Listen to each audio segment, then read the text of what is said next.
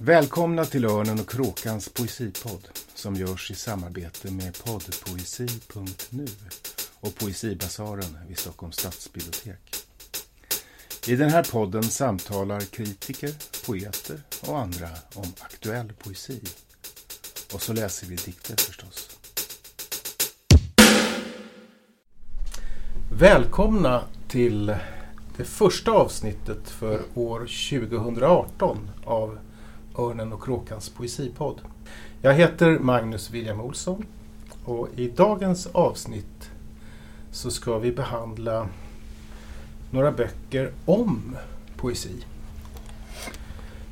Eh, vid min sida här i Poesibasaren på Stockholms stadsbibliotek där vi alltid spelar in eh, har jag Elias Hillström som är bibliotekarie här på biblioteket. Men han är också författare och förläggare och eh, bloggare och allt möjligt annat. Eh, och Elias har valt ett par böcker att tala om. Eh, och jag har valt några. Vilka har du med dig? Ja, hej Magnus. Jag har letat här bland biblioteket och sett vilka böcker om poesi som har kommit senaste året, senaste åren. Och då valde jag tre som jag har hunnit läsa till dess. Jag ville läsa fler egentligen men eh, framförallt eh, en bok av Christian Lundberg, poeten och kritikern. Jag rör mig mot en nollpunkt där allt är du. Anteckningar om dikten som kom på Ellerströms faktiskt 2015. Så den har några år på nacken. Och eh, en essä på typ 80 sidor av en amerikansk poet och professor i litteraturvetenskap som heter Ben Lerner. Varför alla hatar poesi. Som kom på Natur och kultur eh, förra året. Och sen har jag även läst delar eh, av eh, Anders Kullheds bok Tidens guld. Essäer om kanon, liv och poesi. Och Anders Kullhed är ju då professor i litteraturvetenskap. Stockholms universitet va? Precis. Eh, och Ja, de där ska vi prata om. De där jag har även en till hög här, men de här har jag bläddrat i. Lite annat. Precis, vi har några extra böcker med. Jag ska så småningom pre eh, presentera mina böcker också. Eh, men jag ska också säga att vi eh, i den här podden också kommer få höra en, en inspelad intervju med, med kritikern och författaren Stina Otterberg. Som också är medlem i Kulturrådets referensgrupp för facklitteratur och som därför har järnkoll på vad som ges ut eh, när det gäller böcker om poesi. Det är en ganska lång intervju, 20 minuter sådär, som vi ska få höra på. Jag bad också Stina att välja en bok att tala särskilt om. Eh, och den boken kommer att föra oss eh, till Arabiska halvön, sådär en 16-1700 år tillbaka i tiden. Eh, men först ska vi tala, tänkte jag, om ett helt annat ämne som vi tidigare berört i podden. Nämligen den förskjutning som äger och har ägt rum, som pågående förskjutning i relationen mellan professionella poeter och amatörer i vår alldeles egen nutid så att säga. För ganska nyligen så har det kommit ut tre böcker som alla på olika vis berör den här utvecklingen och som jag skulle vilja rekommendera och aktualisera här idag. Och så har vi också Christian Lundbergs bok som på ett sätt anknyter till det här också. Men den första boken jag tänkte ta upp den har jag bara läst på nätet. Den ligger fritt på nätet och det är en eh, doktorsavhandling som ventilerades för bara några veckor sedan i Umeå och den är också skriven på Umeå universitet av Julia Penlert. Och den heter Poesi pågår, en studie i poeter.se 2003 till 2016. Och den kan man alltså ladda hem gratis på nätet. Eh, eh, det där är, det är, en intressant bok. Men, men vad vet du Elias om poeter.se? Jag är inte superbekant närmare med den sidan men den har alltid funnits där känns som. Eller funnits väldigt länge. Jag vet inte när de startade upp sin sida. Vet det var 2003 just. 2003. Eh, ända sedan dess har den funnits då som någon slags... Jag har jobbat med till exempel eh, tidningen Ponton eh, under några år. Eh, slutet av 00-talet. Eh, och då var poeter.se, fanns där i bakgrunden. Där kunde man också publicera sig så, men Mm. eh, som en möjlighet. Men det är ju alltså, det, är ju en, det finns ju många sådana här skrivar-communities, eh, författar-communities internationellt. Men det här är absolut den största vad det gäller poesi i alla fall i, i Sverige. Och det är ett, en rätt enorm omfattning. Alltså de har 50 000 besök i månaden och de publicerar 10 000 texter per månad. Så att det material hon utgår ifrån, Pendlert, alltså under de här 13 åren, det är, ska jag säga vad det ska, det, det är alltså två miljoner kommentarer och 800 000 dikter på 13 år som har publicerats där. Det är Eh, helt otroligt. Det är rätt fantastiskt alltså. Och det, är, det är ju ändå en, en eh, poesioffentlighet eller semioffentlighet eller vad man ska säga som, som är otroligt eh, levande. Och det Pendlert eh, visar i sin, i sin avhandling som är ganska strikt, den är inte särskilt rolig att läsa men den är intressant. Eh, det är just att de flesta poeterna de är inte ute efter att bli eh, sådär eh, erkända poeter eller så. Även om det också finns sådana. Utan de allra flesta är liksom ute, för, ute efter det sociala. Att liksom tillhöra den här communityn och kommentera varandra och, också förstås då publicera sina, sina egna dikter och få kommentarer över, över dem och sådär. Ehm, det där, är, det där är intressant. Man kan på, på den där sidan, du har ju varit inne på den lite och Mm. tittat. Eh, Man kan, å ena sidan kan man då publicera dikter i lite olika genrer. Bunden form och fri vers och sådär. ja, precis. Mm. Och så kan man då kommentera. Det finns en kritisk funktion på, Mm. på sajten som man kan kommentera. Bara titta snabbt men annars är det ofta problem med många ambitiösa sidor som startar upp. Det är väldigt svårt att få kommentarer till sidor idag. Diskussioner, om det blir diskussioner så hamnar de ofta på Facebook.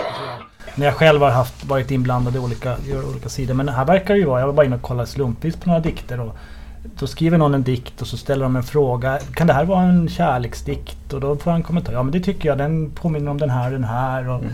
och så får man tips och sådär. Mm. Det är Mm. fint. Svårt att säga något annat. Att det är, Precis, men, men det är också en... Det finns ju i...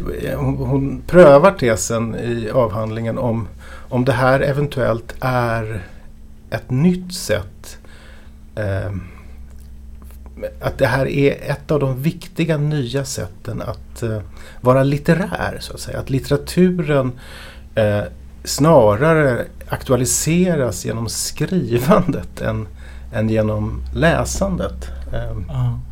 Ja, en tanke som slog mig är att den här sidan den uppstod ju då början av 00-talet. Kanske ungefär samtidigt som mycket alternativ nyhetsmedia uppkom. Och Mm. man, man, det är ju lätt att dra en parallell där. Är, man, många håller på med någon slags alternativ nyhetsmedia. Det finns ju sämre och bättre sån. Men man rör sig i sin bubbla och publicerar nyheter och kommenterar varandra. Och, och ofta kanske ganska ointresserad av att bli journalist och publicera sig i Mm. gammelmedia eller så. Det finns ju någon slags parallell här Mm. som har att göra med nätrummet. Det räcker med det, de kommentarer man får och, och att man kan publicera sina dikter där. Det, då har man ett sammanhang och man får lite uppmärksamhet och man får ut något socialt av det. Mm. Eh, Jag Mm. kan tänka mig att det fyller samma funktion som mycket Mm. alternativ till exempel nyhetsmedia gör.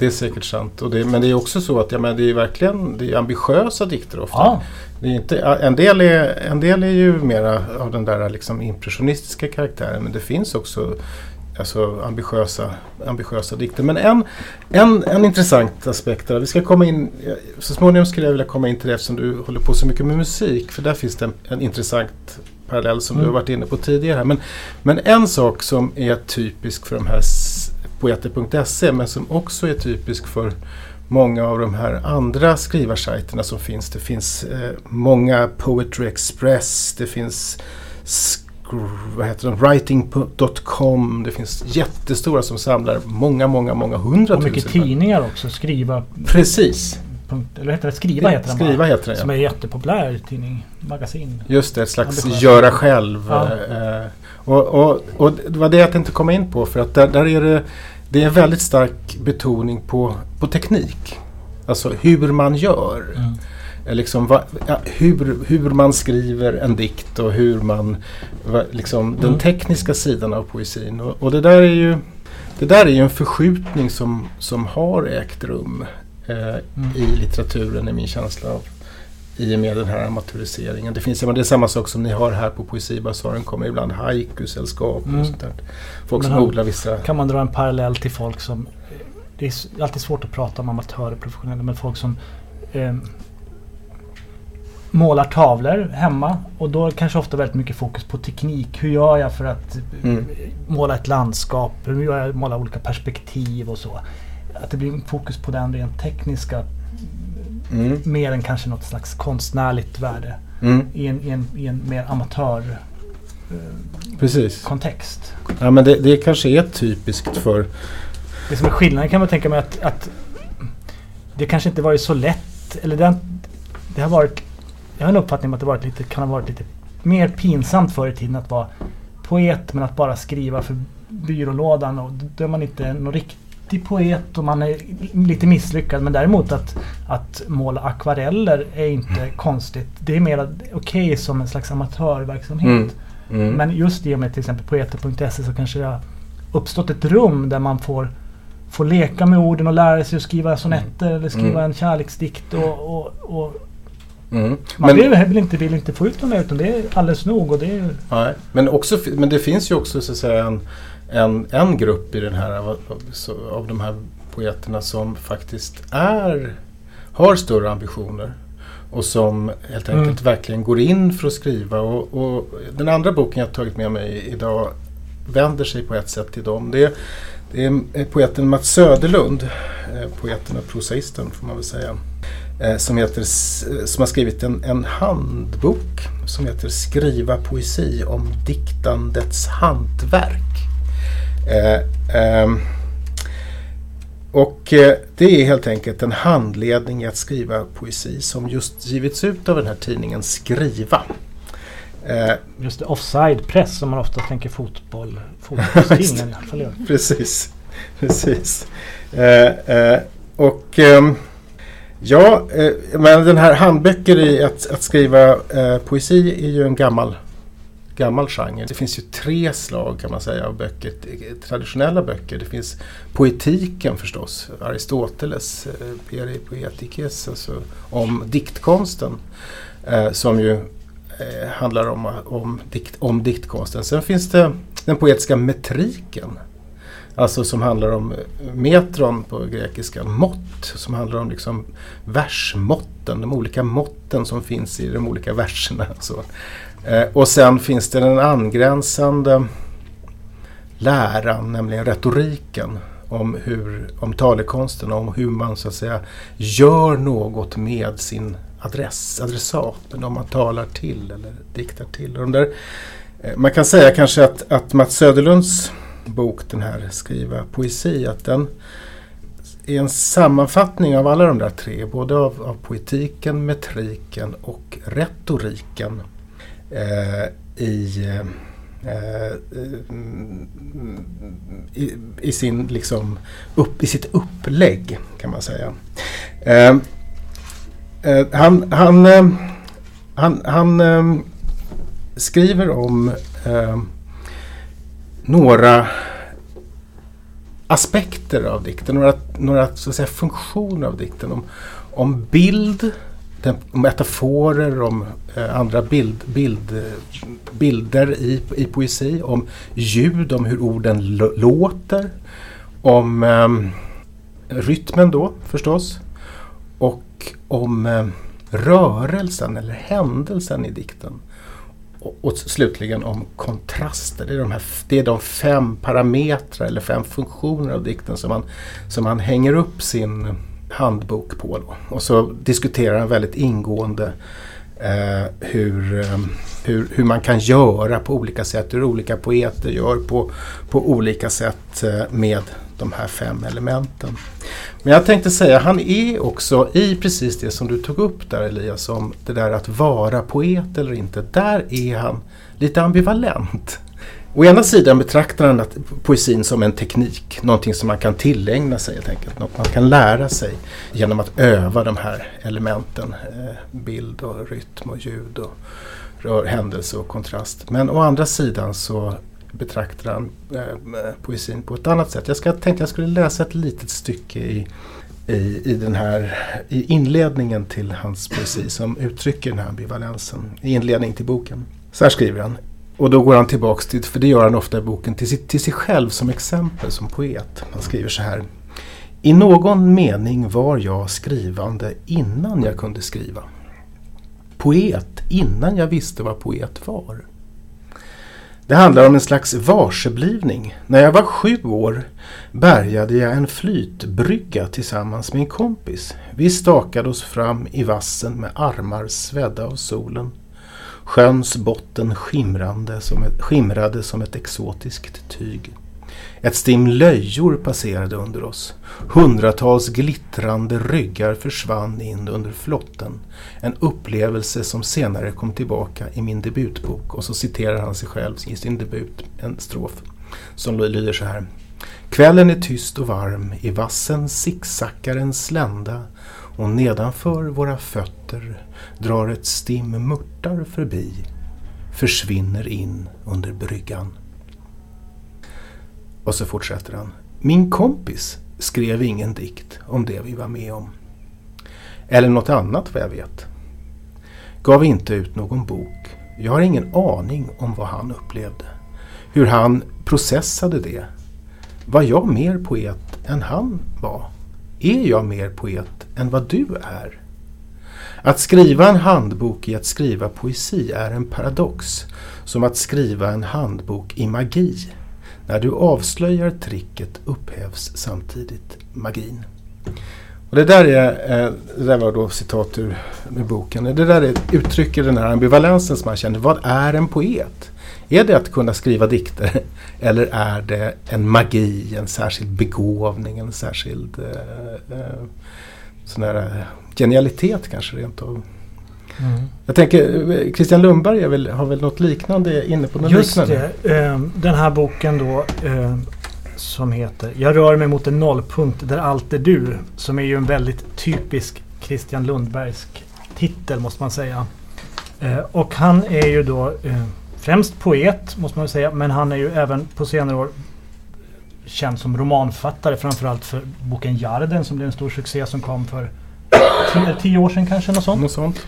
Han har i alla fall gett ut han debuterade någon gång i början av 90-talet och har gett ut otroligt många böcker. Han är väldigt produktiv får man säga.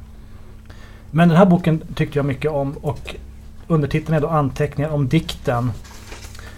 Och den börjar så här. Den är uppdelad i 111 kapitel tror jag det är. Eh, det här är en text omkring vad som sker när jag ska skriva en dikt. Det är också en bok om att läsa dikt. Och mellan dessa två skenbara motsatser finner vi en rad mindre ämnen. Och eh, till stora delar påminner den väldigt mycket om hans... Det skulle nästan kunna vara en diktsamling av honom eller en annan bok för att han, han har ett speciellt sätt att skriva. Han, han rör sig mellan olika bilder och, och det är tidig morgon i Malmö och han tänker på Gud och han tänker på skrivandet och även i många av hans eh, en del av hans tidiga böcker som jag tyckte mycket om det var en slags deckarserie som han skrev om en, om en kommissarie i Malmö som jag tyckte var fin som kom början av 00-talet.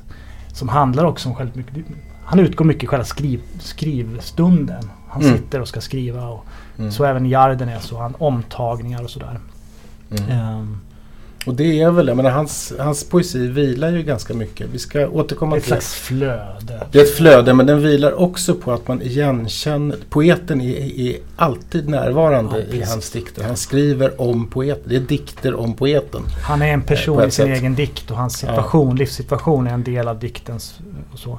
Men uh, den utgångspunkten som kommer fram någonstans i mitten av boken är ju varför skriver han den här boken och så. Att det finns en han är, den är skriven lite grann till en vän som, som ville skriva dikt och ville skriva men som tappade självförtroendet av en jäklig lärare på ett skrivarseminarium som tyckte det var jobbigt med de här typen av textseminarium som jag har inte gått så mycket skrivarkurs, jag har gått en skrivarkurs faktiskt.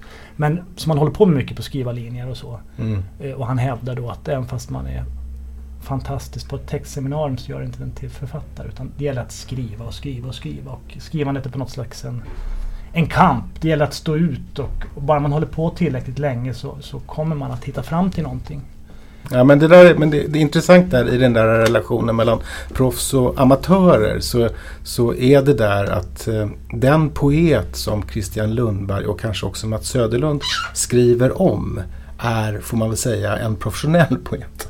Det, det är en poet som liksom, mm. det, det, det, det är en, i den meningen är de här dikterna, de här böckerna, de här poeterna eh, sådana att de så att säga eh, sysslar med sin egen professionalitet.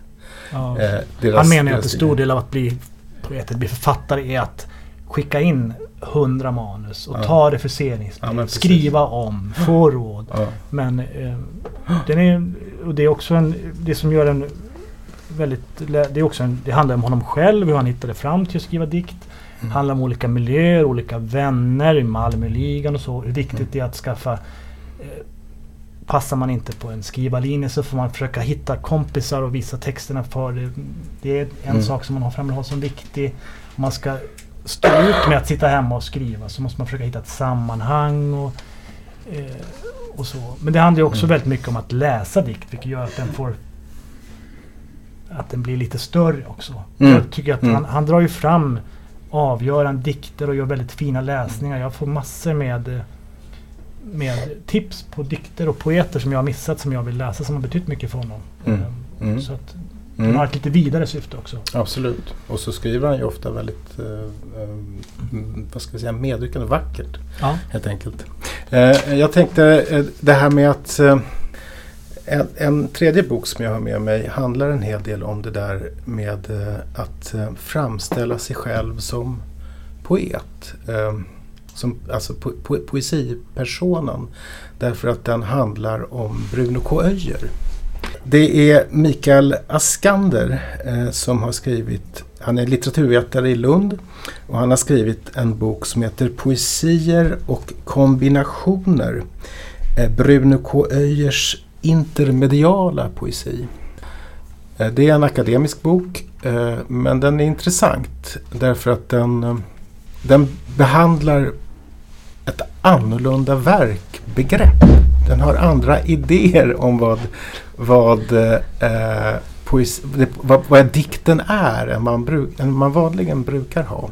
Eh, det intermediala eh, i, i, hans eh, mening det är eh, hur olika eh, medier, till exempel eh, bild, text, film, musik interagerar eller förhåller sig till varandra i i, i verket.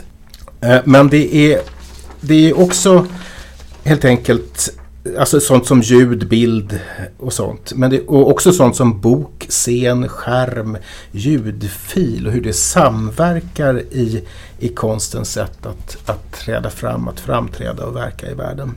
Och det här handlar ju alltså uppenbarligen om ett utvidgat verkbegrepp. Och Bruno Koöjer är ett väldigt lämpligt exempel eftersom han ju sedan början på 70-talet när han debuterade med heter en sång för anarkismen, eh, 73 var det väl, så har han odlat såväl skrift som tal i, i sin diktning. Eh, men han har också väldigt starkt använt massmedier för att konstruera sin, sin eh, poetiska persona. Lite grann som en rockstjärna. Och det har ju varit och poeten i Bruno Köjers dikter, precis som i Christian Lundbergs, är någonting väldigt centralt i poesin. Mm. Man kan inte förstå hans poesi utan att också förhålla sig till myten, så att säga, om den. Eh, till myten om poeten. Sådär.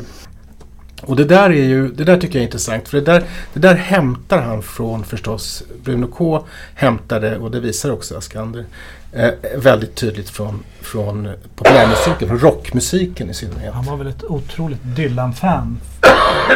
Han översatte ju Dylan. Ja. Han översatte dem och, och sådär, alltså i hans attityd.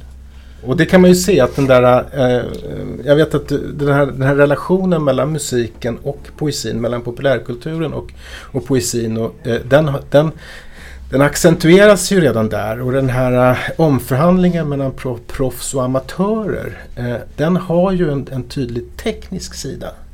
i musiken, jag minns när, när Porta-studion kom i, i musikvärlden i slutet på 70-talet och gjorde det möjligt att spela in ordentliga eh, eh, in, göra ordentliga inspelningar av, av band och, mm. av, och musik och så.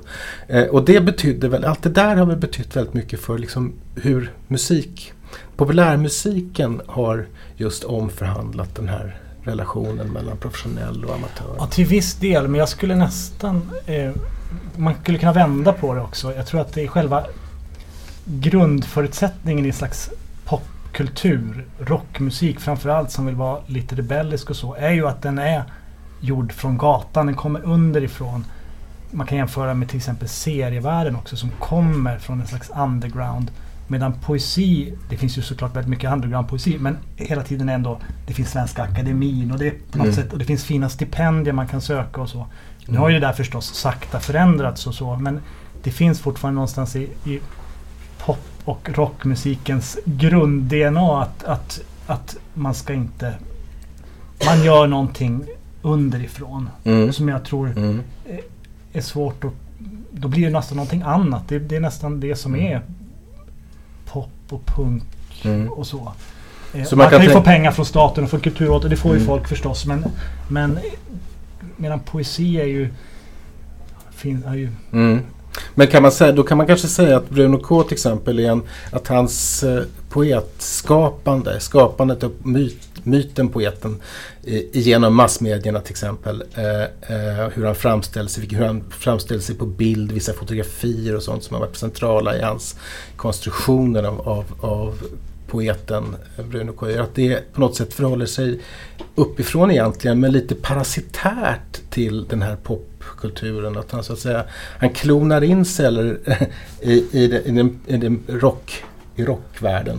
Ja, det, så, så kan man säkert se, se på det men eh, eh, han har ju försökt kämpa för det. kan ju bli lite konstruerat nästan. Det var väl när han fick något stipendium mm. på 70-talet och han kastade ut alla enkronor i tunnelbanan och, mm. och den typen av, av som man kan tycka lite fåniga men också vill framställa som sagt jag är oberoende, jag är inte köpt av, av staten och så.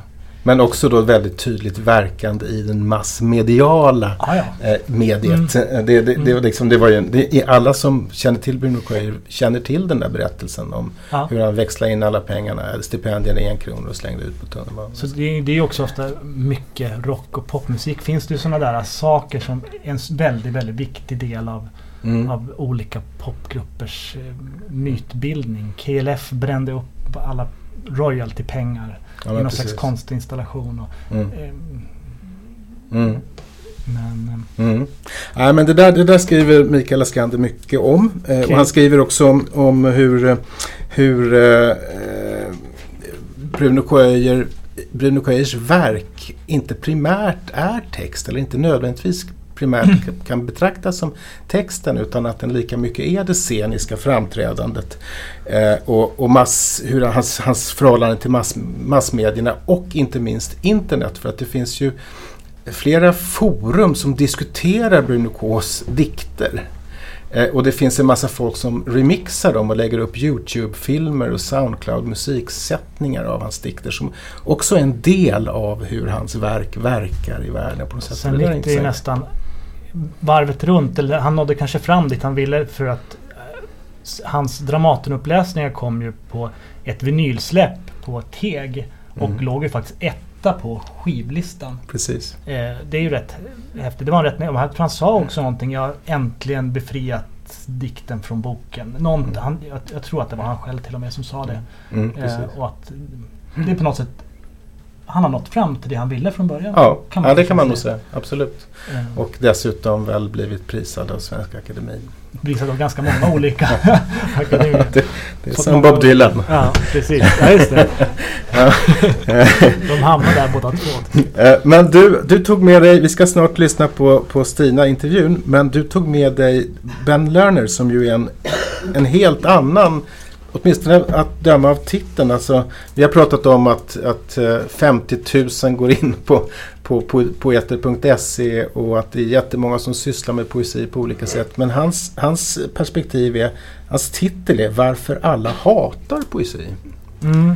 Jag tror att den äh, heter The Hatred of Poetry eller någonting. Ja, The Hatred of Poetry originalet så det är inte riktigt. Nej. Men det är en ganska smart översättning för jag, jag tyckte jag hörde en del som tyckte att det var ganska skönt att den här kom. Äntligen ska man få se. Det är inte bara jag som hatar poesi. Jag tycker illa om de där dikterna som jag ändå inte förstår. Så den, jag tror att förlaget var rätt smarta när de gav den titeln. För den fick ju ett visst genomslag. Uh-huh. Och så kom det samtidigt en roman av honom som jag inte har hunnit läsa. Men som handlar väl om när han är en misslyckad poet som ser sig själv som kommer på att han som försöker fejka lite och vara poet och åker till Spanien och så.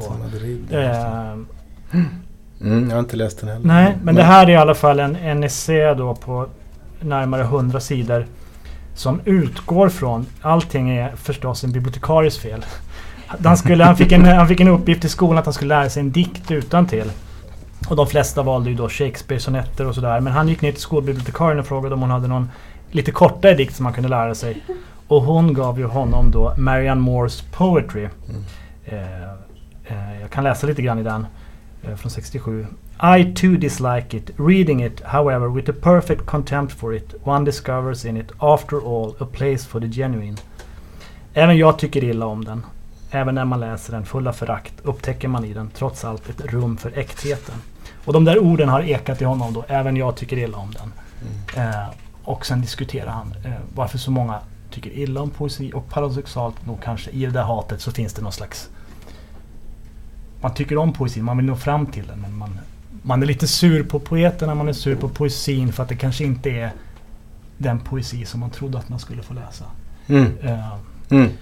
Skriver man för komplicerad poesi så, så, så är man kanske en snobb och man rör sig bara, bara inom en viss elit. Skriver man för enkel poesi så provocerar man genom att så uts, utslätad är ju inte jag som vill läsa. Utan, mm. um, så han diskuterade fram och tillbaka och jag vet inte riktigt vad han kommer fram till egentligen men uh, även den här boken tycker jag innehåller en del fina och intressanta läsningar av Walt Whitman och Emily Dickinson och Keats och Rankin och sådär. Uh, och mm. han menar väl att det är någonting att till skillnad till exempel, det är inte så att alla skulle säga att alla är pianister eller alla. Men mm. alla kan ju skriva och alla har någon gång i skolan fått skriva en dikt. Så på något sätt är alla lite poeter och då provocerar det att mm. vissa anser sig vara bättre än alla. Eller skriver så oförståelig poesi som man inte... Mm. Han, han, han, går också igenom olika kritikers kritik mot poesin. Att, som ofta återkommer att poesin idag är språkmaterialistisk och oförståelig och så. Varför kan det inte vara som förr när alla läste poesi och alla kunde förstå dikterna som skrevs? Och, eh, och så. Ja. Eh, men den är, den är värd att läsa tycker jag ändå. Mm. Uh, um, det där med poesins funktion i, eh, i, i vardagen och det att alla skriver poesi. Uh, det, det pratar också Stina Otterberg om i den här intervjun som ni ska få höra nu en liten stund. Det tar ungefär 20 minuter. Då säger jag välkommen till Stina Otterberg. Du är ju kritiker och litteraturvetare, författare får man säga. Du disputerade för, vad är det, typ tio år sedan kanske? Ja men typ. Eh, kanske inte riktigt, ja, åtta eller något sånt va? Mm. sånt. på en Eh, på en, i alla fall på en underbar avhandling eh, om, om Olof Lagerkrans som kritiker. Jag tycker mycket om den boken. Den, är, den lite grann be, belägger den i sig själv sin stil, sin, en av sina teser, nämligen att, att kritiken kan eller kanske bör betraktas som en litterär genre. Mm. Eh, för att den är just så litterärt skriven. Det, det, är inte, det är inte alla litteraturvetare, så att säga, eller alla som går den akademiska vägen som, som uh, väljer den litterära kritiken som sin uttrycksform. I, i synnerhet inte i sin avhandling. Ja, det är ju rätt ovanligt och det var ju någonting jag fick eh, slåss ganska mycket för också. Att skriva på det sätt som jag ville göra eh, ja. själv. Så att, eh, ja, inget som är självklart, precis som du säger. Nej, och den heter i alla fall eh, Klädd i sitt språk. Och det är också en, en intressant... Äh, titeln är ju talande eftersom Olof Lagercrantz ju eh, var välklädd och, eh, och också skrev väl. Och den här relationen mellan mellan skrivkonsten och modet eller vad vi ska säga, eller det tidlösa modet i hans fall um, ju förenas i ett annat av, av avhandlingens viktiga begrepp, nämligen begreppet stil. Men är, hur är det nu? Du är inte alls på universitetet nu va? Nej, alltså jag, eller ja, jag och nej, jag är frilans så att jag är fri litteratör om jag skulle använda ett Strindbergskt ord. Eh, men jag medverkar ibland med enstaka föreläsningar mm. På universitetet och då pratar jag om eh, poesikritik till exempel eh, och om litteraturkritik. Och sen så har jag en återkommande kurs eh, varje höst på ett program som heter Liberal Arts. Mm. Det handlar om Medea och Medea-motivet ända från Euripides och fram till Sara Stridsberg där vi går igenom hela litteraturhistorien kan man säga. Så det, det, är en wow. Ja, det är en jätterolig kurs att ha. Mm, Men det, det, är liksom det lilla och annars så är det mitt eget författarskap och eh, kritikerskap som jag ägnar mig åt. Mm. Ja, du skrev ju också en bok om, eh, om, om Erik Axel Karlfeldt eh, som kom för några år sedan. En lång essä och ett urval dikter. Som, vi ska återkomma till den bok du har valt, men jag föreställer mig att den här Karlfeldt, för att din vinkel in på Karlfeldt är bland annat eh, vad ska vi säga, röstet, läten eller musikens roll. alltså hur hur diktens eh, sonora sida. Mm. Eh, och det, det, det, det, kan ju ha en viss bäring till det vi snart ska prata om. Men innan dess skulle jag vilja fråga dig. Du, är du kvar på... Du sitter väl också i referensgruppen på Kulturrådet? va? Är du kvar där? Det stämmer. Ja, jag är kvar där. Mm. Jag tänker att uh, det, det, här, det här podden som vi gör nu den handlar ju om böcker om poesi. Mm. Och jag mm. tänker att du kanske har en lite... Jag, menar, jag vet inte, du har förstås inte räknat eller så. Men vad är din känsla? Hur, hur ser det ut? Hur ser det ut på, på, på, utgivningen av böcker om poesi? Från det akademiska till det mer, vad ska vi säga, litterära sällskap och sånt där. Mm. Ja, alltså det det skulle gärna få komma lite mer, tycker jag. Eh, än, än vad det kanske gör. Jag blev otroligt glad när den här boken kom som du och jag ska prata om mm. idag. Mm. Eh, och när den kom i svensk översättning. Sen så har det ju kommit, alltså det kommer ju, vad ska vi säga, det finns ju en, ändå en ganska konstant ström av litteraturvetenskapliga avhandlingar eh, om poesi och om lyrik. Och eh, det, det, tror jag att vi kommer att fortsätta ha. Sen så är det ju alltid eh, kanske utmaningen ifrån ett akademiskt perspektiv att skriva så att eh, texten blir läsbar också för en bredare allmänhet. Mm. Tänker du att det finns liksom en, en marknad, finns det en publik för den typen av böcker utanför? Jag menar den akademiska cirkulationen är ju som den är. Den, det, med, mitt intryck av den är att den att den präglas av en väldigt akut uppmärksamhetskris. Alltså det publiceras så oerhört mycket akademisk text och det finns så få som läser ja. Helt enkelt. Men, men det, det, det, är ju, jag menar, din egen avhandling var ju ett, får man säga, ett försök att adressera en annan publik, den läsande allmänheten. Vad ska säga. Finns det, är det ett, ett intryck att det finns en sån? Kan, kan man som akademiker till exempel eller kritiker. Finns det någon att tala till om man ska skriva om poesi? Absolut, det, det, gör det ju verkligen. Det märkte jag. Det har jag märkt med både min bok om Olof Lagercrantz och boken om Karlfeldt som har lästs väldigt mycket och uh, har fått mycket respons både när jag ute och, har varit ute och talat om de här böckerna men också via brev och mejl från läsare. Så att, och det tror jag handlar om poesin i sig, att eh, den är viktig eh, för oss människor eh, och det är någonting väldigt djupt liggande. Så där har man ju egentligen allt att hämta bara man kan lösa skrivsättet och det är det som är det, det akademiska, den akademiska utmaningen. Att, eh, att, skriva på ett sätt som helt enkelt går att läsa. Mm. Men där har jag, men i din eh, lagkransavhandling så är det ju Uh, menar, det, det, det, problemet adresseras från akademins håll ofta uh, så att man ska att forskarna ska bli pedagogiska på något sätt. Mm. Att de ska bli, men, men din undersökning av uh, Olof Lagercrantz kritik visar ju att det snarare än att om än om pedagogik, så att säga. Mm. om förmedling handlar om ett litterär, en litterär inställning. Ja, nej men absolut. Eh, där känner jag, som om jag ska försöka beskriva mitt eget skrivsätt, att jag egentligen inte tänker kanske så mycket på läsaren när jag skriver, utan jag tänker på texten framför allt. Att jag verkligen vill hitta, jag vill möta den text som jag skriver om och försöka hitta ett språk för, för det mötet och för den, eh, för den texten. Mm. Ja, eh, ska, vi, ska vi ge oss in på den här, den här boken? Vad är det för bok du har, du har valt att prata om idag? Eh, nej men jag har valt en bok eh, av eh, en amerikansk litteraturprofessor som heter Susanne Pinkney Stetkevich. Och eh, hon är verksam på Indiana University eh, och är professor i Mellanösterns språk och eh, litteraturvetenskap. Och den här boken heter Stumma stenars dunkla tal och handlar om förislamisk poesi och ritualens poetik.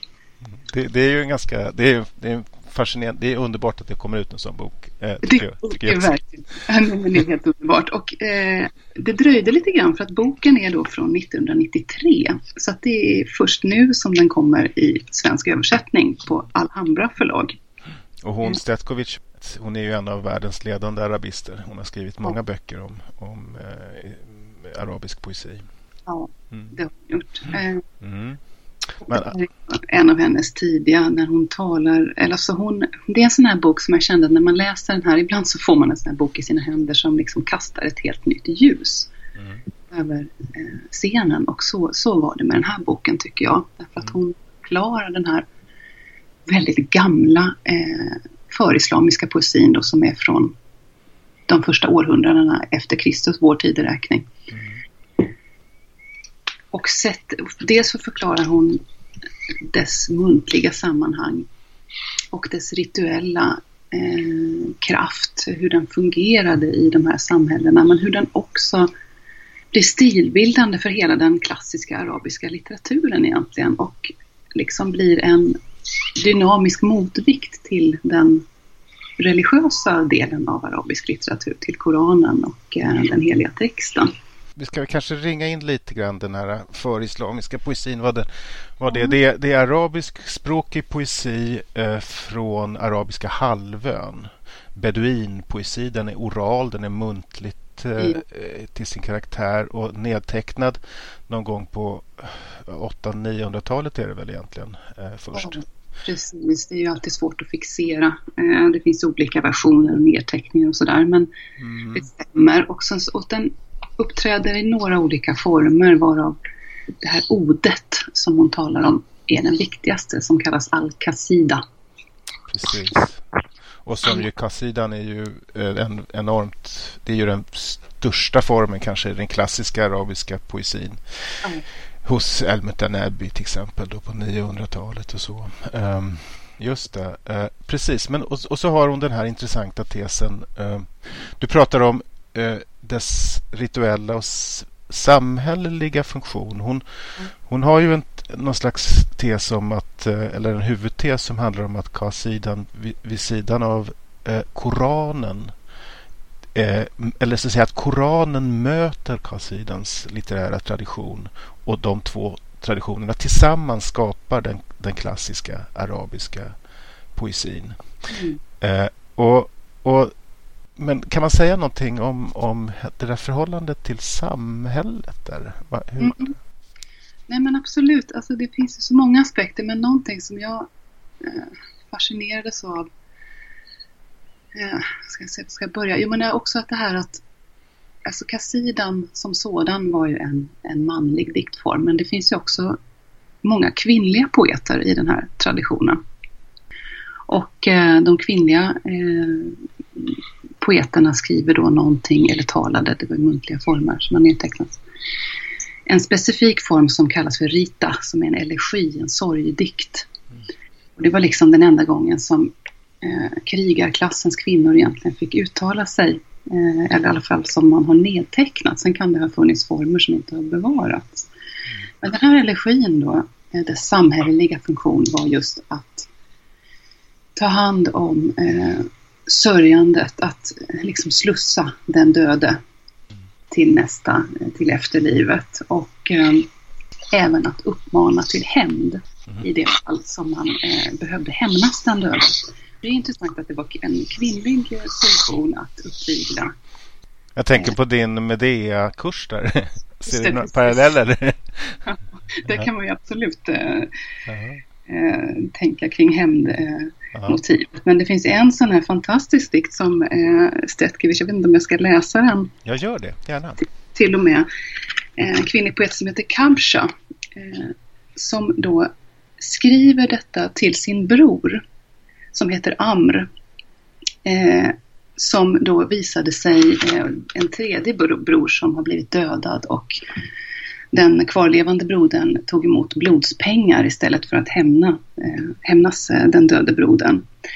Och eh, då lackar Kabsha ur och skriver ett eh, eldigt uppviglingspoem som heter Ta inte emot blodvitet. Och då låter det så här. När hans tid nalkades sände Abd Allah, det är alltså den döde brodern, ett bud till sin klan. Ta inte emot blodvitet för mitt blod. Ta inte emot kamelfölen, näpna och unga, medan jag ligger lik i Sadas svarta boning. Lyssna inte på Amr, ty han har låtit sig försonas. Hur mycket mat kan Amrs mage rymma? Om ni tar emot blodvitet utan att hämnas mig kommer ni att gå med avklippta öron som strutsar och ni får ej komma till vattnet förrän era kvinnor har lämnat det med blodet droppande från sina hälar. Wow. Ja, ja det där är ju mäktigt. Det är mäktigt. Och det, det, som, det sägs då att när, när den här brorsan Amr hörde hennes dikt så tog han sitt förnuft, eller vad man ska säga, till fånga och hämnades den döde brodern. Mm. Eh, den kraften kan orden ha. Och det är också intressant när man läser här, den här dikten att det är faktiskt den döde som talar i dikten. Vilket ju gör, gör den, eh, ger den dess, eh, dess styrka. Och tycker också att det är intressant att om man tittar på blodets symbolik, att det både är krigarblodet men också det kvinnliga menstruationsblodet som hon eh, syftar på i den här sista diktraden med blodet droppande från hälarna. Det är det, är det blodet som, som är om där. Ja. ja fascinerande. Eh, väldigt arketypiska eh, symboler i det här och det handlar ju väldigt mycket om, alltså den här poesin återkommer till en offer offersituationer, övergångsriter. Det är väldigt mycket övergångar det handlar om. Mm. Och där ser man hur viktiga de här dikterna var i, i olika slussituationer, både i människans liv från barndom till tonår till vuxenliv och i olika samhälleliga situationer då som hämnd eller död. Mm. Ser du några, några likheter med diktens rituella, alltså äh, äh, kan, eller kan man säga någonting om, om diktens rituella funktion idag? Eh, den här, det här tröskelvarat mellan, mm. mellan olika vad ska säga, tillstånd eller rumsligheter, inre och yttre och sådär. Är, eh, är det, är, tänker du att det liksom, finns det någon likhet där? Finns det någon, någon paralleller att dra med samtida poesi? Det gör det ju absolut. Alltså man, man kan börja med att titta på poesin som bruks, eller dess bruksfunktion. Om man tänker efter, vad har den för roll i, i allas våra liv? Alltså om man tittar på när någon dör, när någon döps, eh, när vi gifter oss. Eh, då är det poesin vi griper till, det är inte prosan. Eh, I dödsannonser så läser vi diktrader. Och om man tar, jag brukar ibland fråga fråga runt sådär om jag haft studenter eller i andra sammanhang. Och ni har ju en publik där på stadsbiblioteket. Om man skulle ta en handuppräckning hur många som någon gång har skrivit en dikt i sitt liv. Då tror jag att det är ganska många. Eh, och om man funderar för sig själv i vilket skede kände man att det var just poesins språk som man behövde. Så säger det också ganska mycket om övergångar tror jag och eh, just sådana där slusssituationer när man behöver eh, mm. ord för att eh, kunna klippa banden till det gamla och möta det nya. Eh, ja, eh, Stina, eh, vi ska sluta nu. Eh, jag ska fråga till sist eh, om du skulle... Jag fejdade ut där lite grann eh, därför att tiden går. Eh, skulle vilja att vi hann med att prata om en sista bok som lite grann anknyter till det Stina Otterberg eh, talar om, nämligen poesin i dess historiska aspekt. Och det är Anders Kullheds eh, eh, Tidens guld. Som har undertiteln Essäer om kanon, liv, poesi. Eh, hur ska man beskriva den här boken, Elias? Eh, ja, den är ju en samling artiklar, essäer om eh, olika poeter.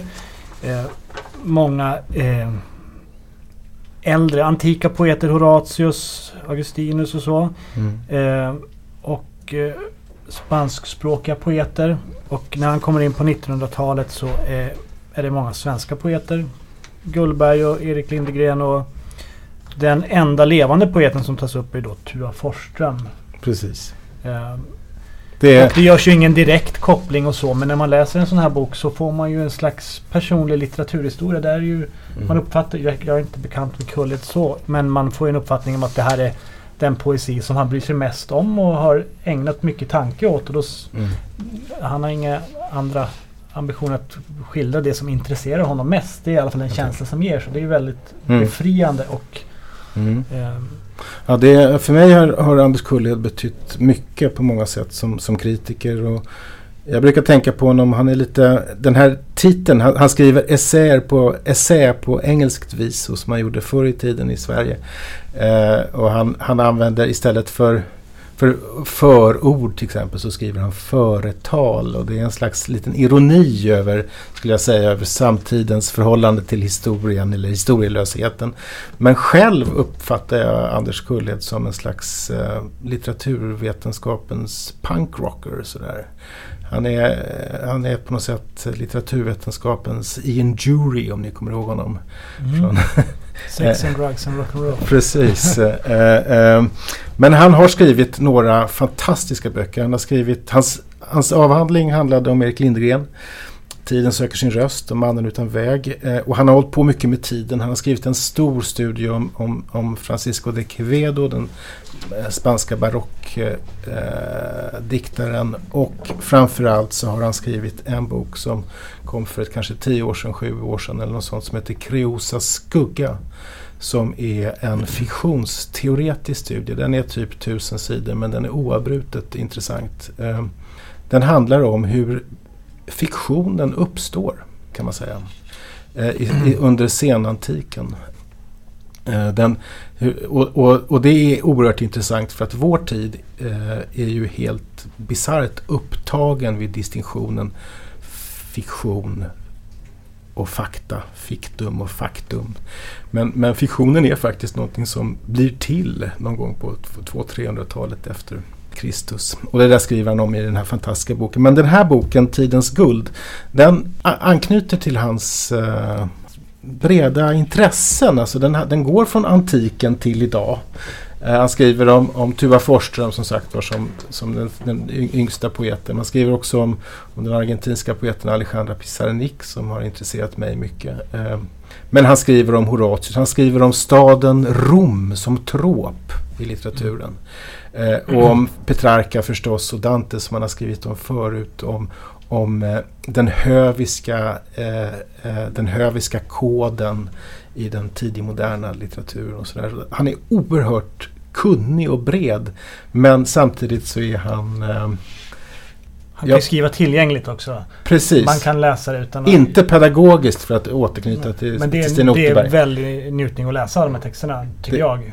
Jag Ja. flöt igenom den här boken ganska snabbt och man antecknar lite och man blir sugen på att läsa den och den gamla poeten som man har missat. Så Precis. känner jag. Så är det ju verkligen. Och, och det är ju också en av, en av bokens, den här titeln Tidens guld, som ju då återknyter till hans intresse för tiden. Han skriver också om Augustinus i boken som hur Augustinus tänker tiden just. Men det här tidens guld, det, det anspelar förstås på, på kanonbegreppet, det som, det som vaskas fram, det, som, den, det, det guld som finns i tiden som bli, blir det, vår litteraturhistoria. Uh, och jag kan tycka att hans uh, det där kanonbegreppet är ju komplicerat och många diskuterar det nu men jag kan tycka att den här boken är ett exempel på hur man skulle kunna förstå kanon just genom ett ett perso personligt förhållande till, eh, his till historisk litteratur. Ja, jag tycker, jag tycker verkligen om den här typen av, av böcker eh, och jag tycker att det är synd att det inte kommer fler. Det kanske inte finns fler professorer som är så bra på att skriva eller så finns det ingenstans att ge ut dem men jag tror för egen del så var det ofta väldigt avgörande att det fanns den här typen av böcker. Jag, när man ska lära sig om poesi och kunna föra ett samtal med någon. Mm. Böcker av Torsten Ekbom och Carl-Johan Malmberg och mm. Lagerkrans för all del och mm. massa andra namn. Eh, mm. och eh, det borde ju sån här, den här typen av böcker kan ju är viktigare än egentligen att det kommer ut diktsamlingar. Eller minst lika viktigt att det kommer böcker om poesi som att det kommer böcker med poesi för att man ska kunna som läsare ha någon att samtala med. Det håller jag det, verkligen med om. Och det, och det, man kan tycka känna lite så här dåligt samvete som bibliotekarie. Det är ju inte mitt fel kanske men de här böckerna hamnar ju ofta väldigt i skymundan. De hamnar på G eller någon underavdelning till G. Och många av, av essäer om litteratur skulle man skulle försöka prova att hitta lite andra platser åt dem. Bredvid romanerna och dikterna. Mm. För att jag tror väldigt många, jag hade själv missat den här innan du tipsade mig. Mm. Och då är jag ändå bibliotekarie intresserad av poesi. Så det är, är väldigt lätt att de faller. De recenseras. Jag vet inte, jag sökte på recensionen lite halv. Har den recenserats i några dagstidningar? Jag tror faktiskt inte jag har sett en enda recension. Vilket är, det är faktiskt skandalöst tycker jag. Det tycker jag verkligen. Det är, en, det är, en, eh, det är verkligen en en bok att rekommendera. Tidens guld av Anders Kullhed alltså som är utgiven av bokförlaget Phaeton. Ja, eh, vi ska sluta här den här podden eh, men nästa månads podd eh, kommer också lite grann att handla om en poesibok. Då, då spelar vi in direkt på Poesimässan eh, som äger rum här i Stockholms stadsbibliotek den 23 till 25 mars. Ja, det blir själva inledningen och startskottet på mässan tror jag. Klockan tre fredag den 23 mars. Så kommer vi att spela in den här podden och den podden kommer att utgå ifrån en annan bok om poesi, nämligen Örnen och Kråkans eh, poesikalender som heter Poesiåret 2017 och som kritiskt behandlar 88 av förra, förra årets diktsamlingar och som dessutom rymmer essäer om poesimarknaden, om trender och annat i den samtida poesin. Eh, och som jag vill gärna säga, man kan skaffa, det enda sättet ska jag säga att skaffa den här boken, den kommer inte att finnas i bokhandeln. Utan det enda sättet är att gå in på www.ornenochkrakan.se och beställa den och köpa den den vägen så får man den på posten. Eh, men eh, då den 23 så kommer vi alltså här att spela in en podd och då kommer det vara en massa olika människor på scenen som diskuterar den samtida poesin från alla tänkbara aspekter. Välkomna till Poesimässan då ja, och välkommen hit igen. Tack ska ni ha, tack för idag. Tack Magnus. Tack publiken.